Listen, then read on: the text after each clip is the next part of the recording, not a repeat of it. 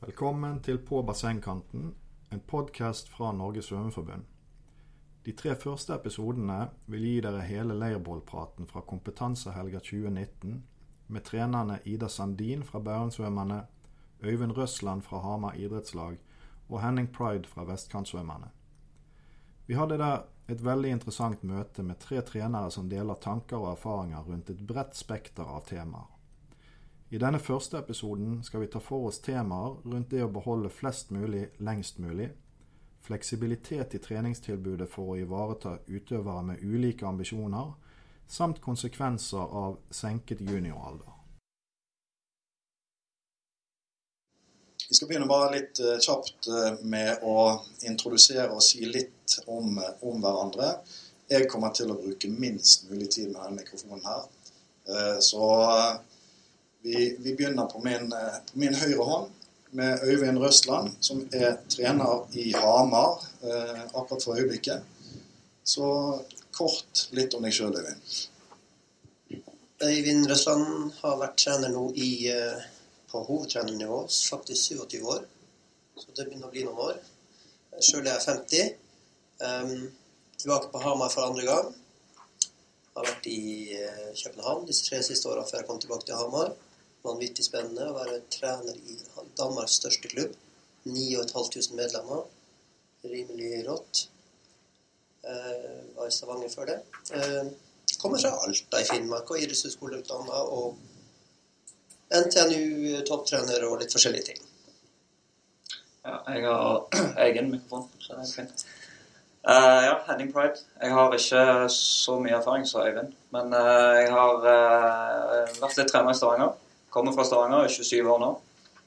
etter å ha vært noen år i Stavanger, så flytta jeg til Bergen for å studere. Der ble jeg trener i Vestlandsøverne, som jeg da har vært i siden høsten 2013.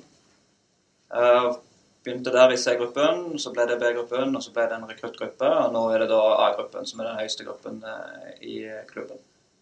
Eh, det var litt tilfeldig at jeg havna inn i det sporet, og da har det blitt litt sånn OK, men da tar jeg utdanning i det sporet òg. Så jeg har idrettsutdannelse fra høyskole, deltidsutdannelse fra NIH, eh, trenerstigen til NSF. Og så, ja Alltid på jakt etter noe mer. Yes. Ida Sandin heter jeg. Eh, jobber som hovedtrener i Bærumsvømmerne. Eh, jeg har lyst til å legge til en ting som Tore sa. Da. Han sa at vi alle takket ja direkte, og det gjorde jeg forvisso, men jeg sa også at eh, han sa at det her er kjempelett, og det trenger ikke så mye forberedelser og sånn her. Og jeg var ah, faen, jeg hater jo ikke å være forberedt. Så, men uh, uansett så har jeg tatt på meg det her. Um, jobber um, har jobbet i Bærumsvømmerne i seks år. Eh, jobbet i Asker ett år før det, og før det jobbet jeg i Sverige. Mm. Og har svømt en del selv på internasjonalt nivå. Temaet for helgen har jo vært uh, det å beholde flere. Uh, vi ønsker jo at uh, For det første ønsker vi at mange skal begynne med svømming. men så vil vi jo helst at de også skal fortsette å holde på lengst mulig. Hva tenker dere rundt dette med å beholde flest mulig lengst mulig. Ja, da begynner jeg. For at når Øyvind har begynt, så får vi ikke stoppe han sen. Så um, jeg tror eh, det er som sagt mange forskjellige kritiske faser og, og sånn å, å, jobbe med. Men som i en klubb, og så som jeg jobber med min gruppe, så tror jeg at vi må kartlegge litt uh, hvor det brenner. Og for meg som jobber med videregående elever, Eh, så såg jeg at det var mange jenter som sluttet framfor alt. Og um, alle vet at jenter 16, 17, 18, 19 år det er hardt å jobbe med, for eh, ja, det er jo den uh, Det er masse ting som skjer i kroppen. Og du skal trene mer enn noensinne, du skal trene hardere enn noensinne, og du kan ikke forvente noen resultater. Um, og det der har jeg fordypet meg litt i eh, når jeg gikk eh, utdanning i idrettspsykologi. Og, og, liksom Hva er det vi kan gjøre for disse jentene? For eh, noe som jeg fikk ut av eh, det her prosjektet som jeg gjorde, var at det var 35% av jentene sluttet når de var 18 år, eh, i forhold til 20% av guttene. Eh, og det som jeg tror er viktig, det er jo det som vi har snakket om litt under helgen. Det er eh, tilhørighet. Eh, har vi en gruppe der vi syns det er eh, hyggelig å være sammen, så har vi lyst til å komme tilbake på trening. Eh, kan vi finne mestring for disse jentene, even om de ikke perser på sin spesialøvelse? Kan vi finne mestring noen annen sted? Kan de bli bedre på vendinger? Kan de kanskje forbedre en annen øvelse? Kan de bli bedre i styrkerommet eller noe annet? Der tror jeg vi har en del å hente. Eh, men kanskje også å bruke eldre utøvere eh, som har vært igjennom det her og kommet ut på andre siden og lykkes stå igjennom denne tøffe tiden. tror jeg er viktige ting. Ja. Um, jeg har jo selvfølgelig sett de samme utfordringene som Ida snakker om her, med, med at uh, spesielt på jentesiden. Uh, jeg syns jo det er litt som vi snakket om i går, at det å ha med flest mulig er utrolig viktig for de som til slutt blir den ene gode, eller de to ene gode. Uh, på trening så, så, har vi et sosialt miljø der de som ikke nødvendigvis er de beste svømmerne, er de som bidrar kanskje mest til det vennskapet og det samholdet som er i gruppen. Og det er de som tar initiativ til OK, vi stikker på kino på lørdag. Eller uh, finner finne på et eller annet, går og bader eller noe sånt. Uh, så det, det, er jo mange av de som er initiativtakere. Uh, og måten Den samme problemstillingen med at jentene kan forvente en litt tøff periode, ja. Så der, der jobber jeg med å, med å, hele tiden passe på at de har den nødvendige forståelsen for hva som skjer. Altså at jentene er forberedt på ok, det er faktisk normalt at det stopper litt opp. Litt opp. tar jeg det videre til at gjennom at utøveren har en høyere forståelse, så blir det òg mer gøy, tror jeg. Og de, de, eh, får et forhold til det sånn at alt vi gjør, handler om å altså Alt jeg gjør, handler om å forklare hensikten, sånn at de skal forstå hvorfor vi gjør det vi gjør. Og, og på den måten òg eh, få lov til å spille inn og, og bygge videre. Da kan de òg hjelpe hverandre. Og de syns det er gøy å komme på trening, og selv om du ikke nødvendigvis er den beste, så har du likevel noe å tilføre de som er best. Eh, som igjen blir eh, eh, OK, hva kan vi utvikle oss på? Er du god på vendinger, ok, da er det du som får lov til å, til å gi tilbakemelding til han som svømmer raskest på 400, men han trenger din hjelp på vendinger. Selv om du, har, selv om du er dårligst på 400. Um, og så er det litt sånn det som jeg har merka nå med de eldste som har slutta, så ender det veldig fort opp i at, eh, som vi snakket om eh, i går, det, dette med A-motivasjon. Eh, de vil ikke, men de kommer likevel.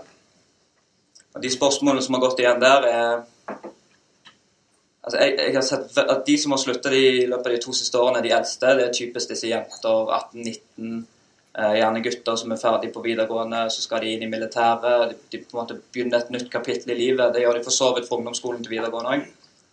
Men det som går igjen, det er at de ender opp med å spørre seg sjøl er dette vits.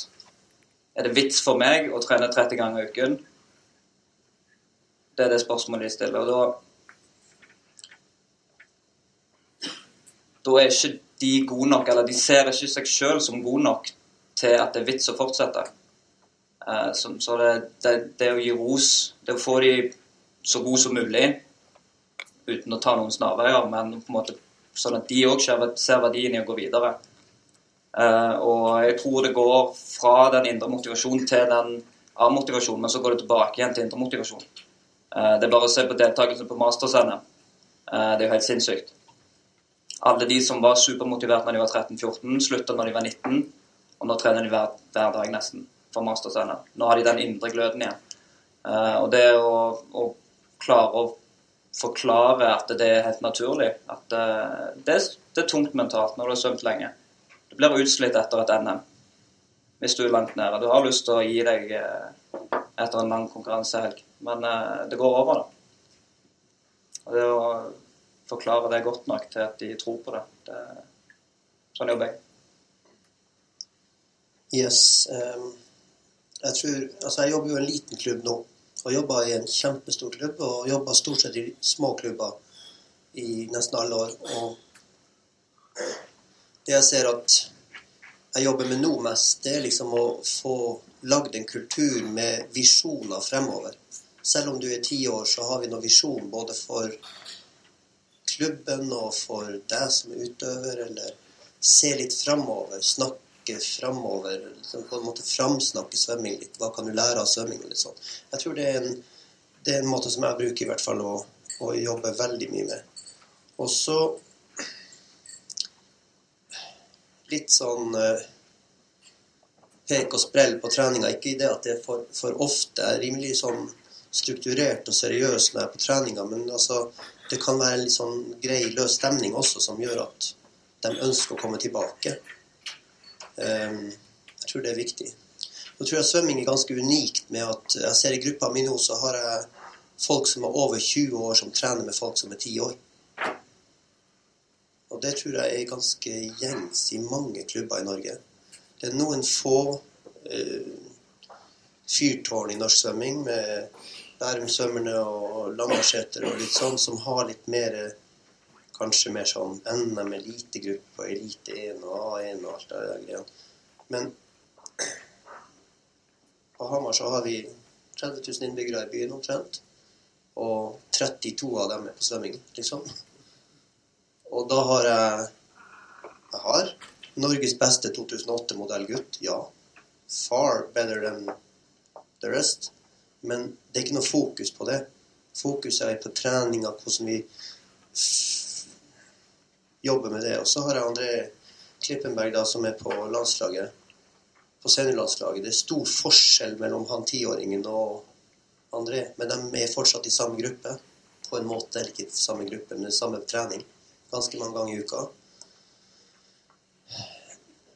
Jeg tror at å dra hele den gruppa der videre er et sånn fellesprosjekt. Det er også det jeg sa i går. Altså, det må på en måte bli ditt prosjekt mer enn mitt prosjekt. Jeg har hatt veldig mange år som jeg har dratt. Jeg har hatt motivasjon for alle sammen til sammen. Å Kunne dratt hele jævla gjengen, liksom. Putte dem i heisen og trykke på øverste etasje og bare gi gass, ikke sant. Og så bare blir det en hel gjeng med. Jeg begynner å bli litt voksen sjøl, så jeg har egne barn og alt det der, så jeg kan ikke bruke den tida. Men litt samme greia, at, at man prøver å dra en hel gjeng prøve å lære dem noe life skills. Jeg tror det er kanskje noe av det viktigste vi gjør. Hva betyr det å svømme? Hva betyr det når du bruker 30 timer i uka, eller 20 timer i uka, eller 15 timer i uka på svømming? Hva kan du lære i framtida om det? Hva kan du takle? Jeg husker jeg hadde en samtale med Hannah Miley. Hun er jo en av verdens beste fire mediesvømmere. Eh, og hun var litt sånn der, hun var 30 år gammel og skulle ut i arbeidslivet og sånn. Så sier jeg henne du har sendt OL-finale på 400 meter, og alt annet er lett. Og da lo hun. Hun skjønte egentlig hva, hva jeg mente. Du har stått opp hver, hver eneste dag i ditt uh, ungdomsliv og voksenliv. Ganske mye av de andre tingene du skal gjøre i livet ditt, er ganske mye lettere enn det du har gjort. Og da var hun på en måte slapp hun garden ned litt sånn. Litt sånn. Og jeg tror det å Den der life skill-greia der tror jeg er utrolig bra. Så begynne tidlig med det. Begynne tidlig med hva bruker du tida di på, hva har du lyst til å bruke tida di på? Eh, hvordan organiserer du dagen? Hvis du skal svømme om morgenen og kvelden og gjøre lekser og få tid til venner og fotball og you name it. Hva må du gjøre? Når må du legge deg? Hvordan skal du spise? Når skal du spise? Det er ikke en adhoc-greie å gå på trening. Det er mange som tror det. Oi, det var visst trening i dag. Nei, det er en planlegging av greia. Selv om du er 10 år, eller selv om du er 12 eller 15 eller 20. Så det er litt viktig, det. Ja. Og jeg tenker, sant, altså, det, det, det, gjelder jo kanskje å gi dem på en måte eh, kunnskapsdrypp hele tiden. Sånn, så de, de, blir mer og mer kjent med hva er det som møter oss i denne treningshverdagen. Hvorfor, hvorfor må vi trene mye i svømming? og Er det nødvendig? Og, altså, og så er det jo den typiske overgangen fra kanskje barneidrett til ungdomsidrett. til ting gjerne har en tendens til å bli litt mer seriøst. Og de modnes òg i hodene sine òg på en sånn måte at de begynner kanskje å sammenligne seg litt mer med hverandre. Uh, men vi har fått inn et spørsmål fra salen her, og det er jo artig. Er det nok fleksibilitet og muligheter i treningsopplegget for utøverne som føler på er det verdt det? Dvs. Si, er trener åpen for å diskutere alternative modeller. Det her var jo noe du snakket litt om, Henning. Jeg vet ikke om du vil følge opp og si Ja. litt om det. Ja. Ehm, ja, det tolker jeg som om at uh, treningsopplegget ikke nødvendigvis er så utviklingstilpassa eller individtilpassa som det burde være. Uh, så det korte svaret er ja, det er det rom for. Vi har, eh, I vår klubb så har vi flere grupper. Uh, og i hver gruppe så er det òg ganske differensiert opplegg. Uh, den banen gjør det, den banen gjør det, den banen gjør det. Så hvis du er Veldig enkelt eksempel. Hvis du svømmer Hvis du er en 200 frisvømmer, eller en 400 frisvømmer, jente, og så stagnerer det Det er ikke så gøy. Du begynner å spørre deg sjøl ok, gidder jeg å bruke 30 timer i uken på dette her når jeg blir når jeg uansett eh, Når jeg er 16, jeg skjønte raskere når jeg var Jeg er ennå- ikke i nærheten av persen min når jeg var 13. Eh, Jeg er nummer 10 på UM. Eh, 15 på junior-NM. 15 på senior-NM. Kommer ikke til finale. Er det vits nå som 17-åring å begynne å bruke 30 timer i uken på det? Da er det OK, glem crawlen. Den kommer når den kommer. Gå i bane to. La oss jobbe litt uh, mer bryst, litt mer rygg. Og så gjør vi det interessante greier. Så kommer vi på NM, og så skal vi gjøre en kjempe 200 medley, f.eks. Så gjør vi de nødvendige grepene i treningen for, for å mestre fly, rygg og bryst på et større nivå. Og så viser det seg at når vi kommer på, mest sannsynlig når vi kommer på NM, så går òg den siste 50 crawl på 200 meter helt av seg sjøl. Pga. Det, som har- altså det som allerede ligger der på 400 fri. da. Så å, å flytte fokus da, i de perioder der det blir veldig tungt, bytte over. Det, vi, har, vi er jo så heldige at vi har veldig mange svømmearter å velge mellom. Og vi har veldig mange distanser å velge mellom. Eh, og der er det noe for alle. Om det så er 50 bryst eller 1500 fri. Så det er et eller annet sted i det øvelsesutvalget vi har i svømming, så er det, tror jeg, da, eh, noe å mestre for alle, og det gjelder å finne det. Og hos oss er det rom for det. Det, det skjer eh,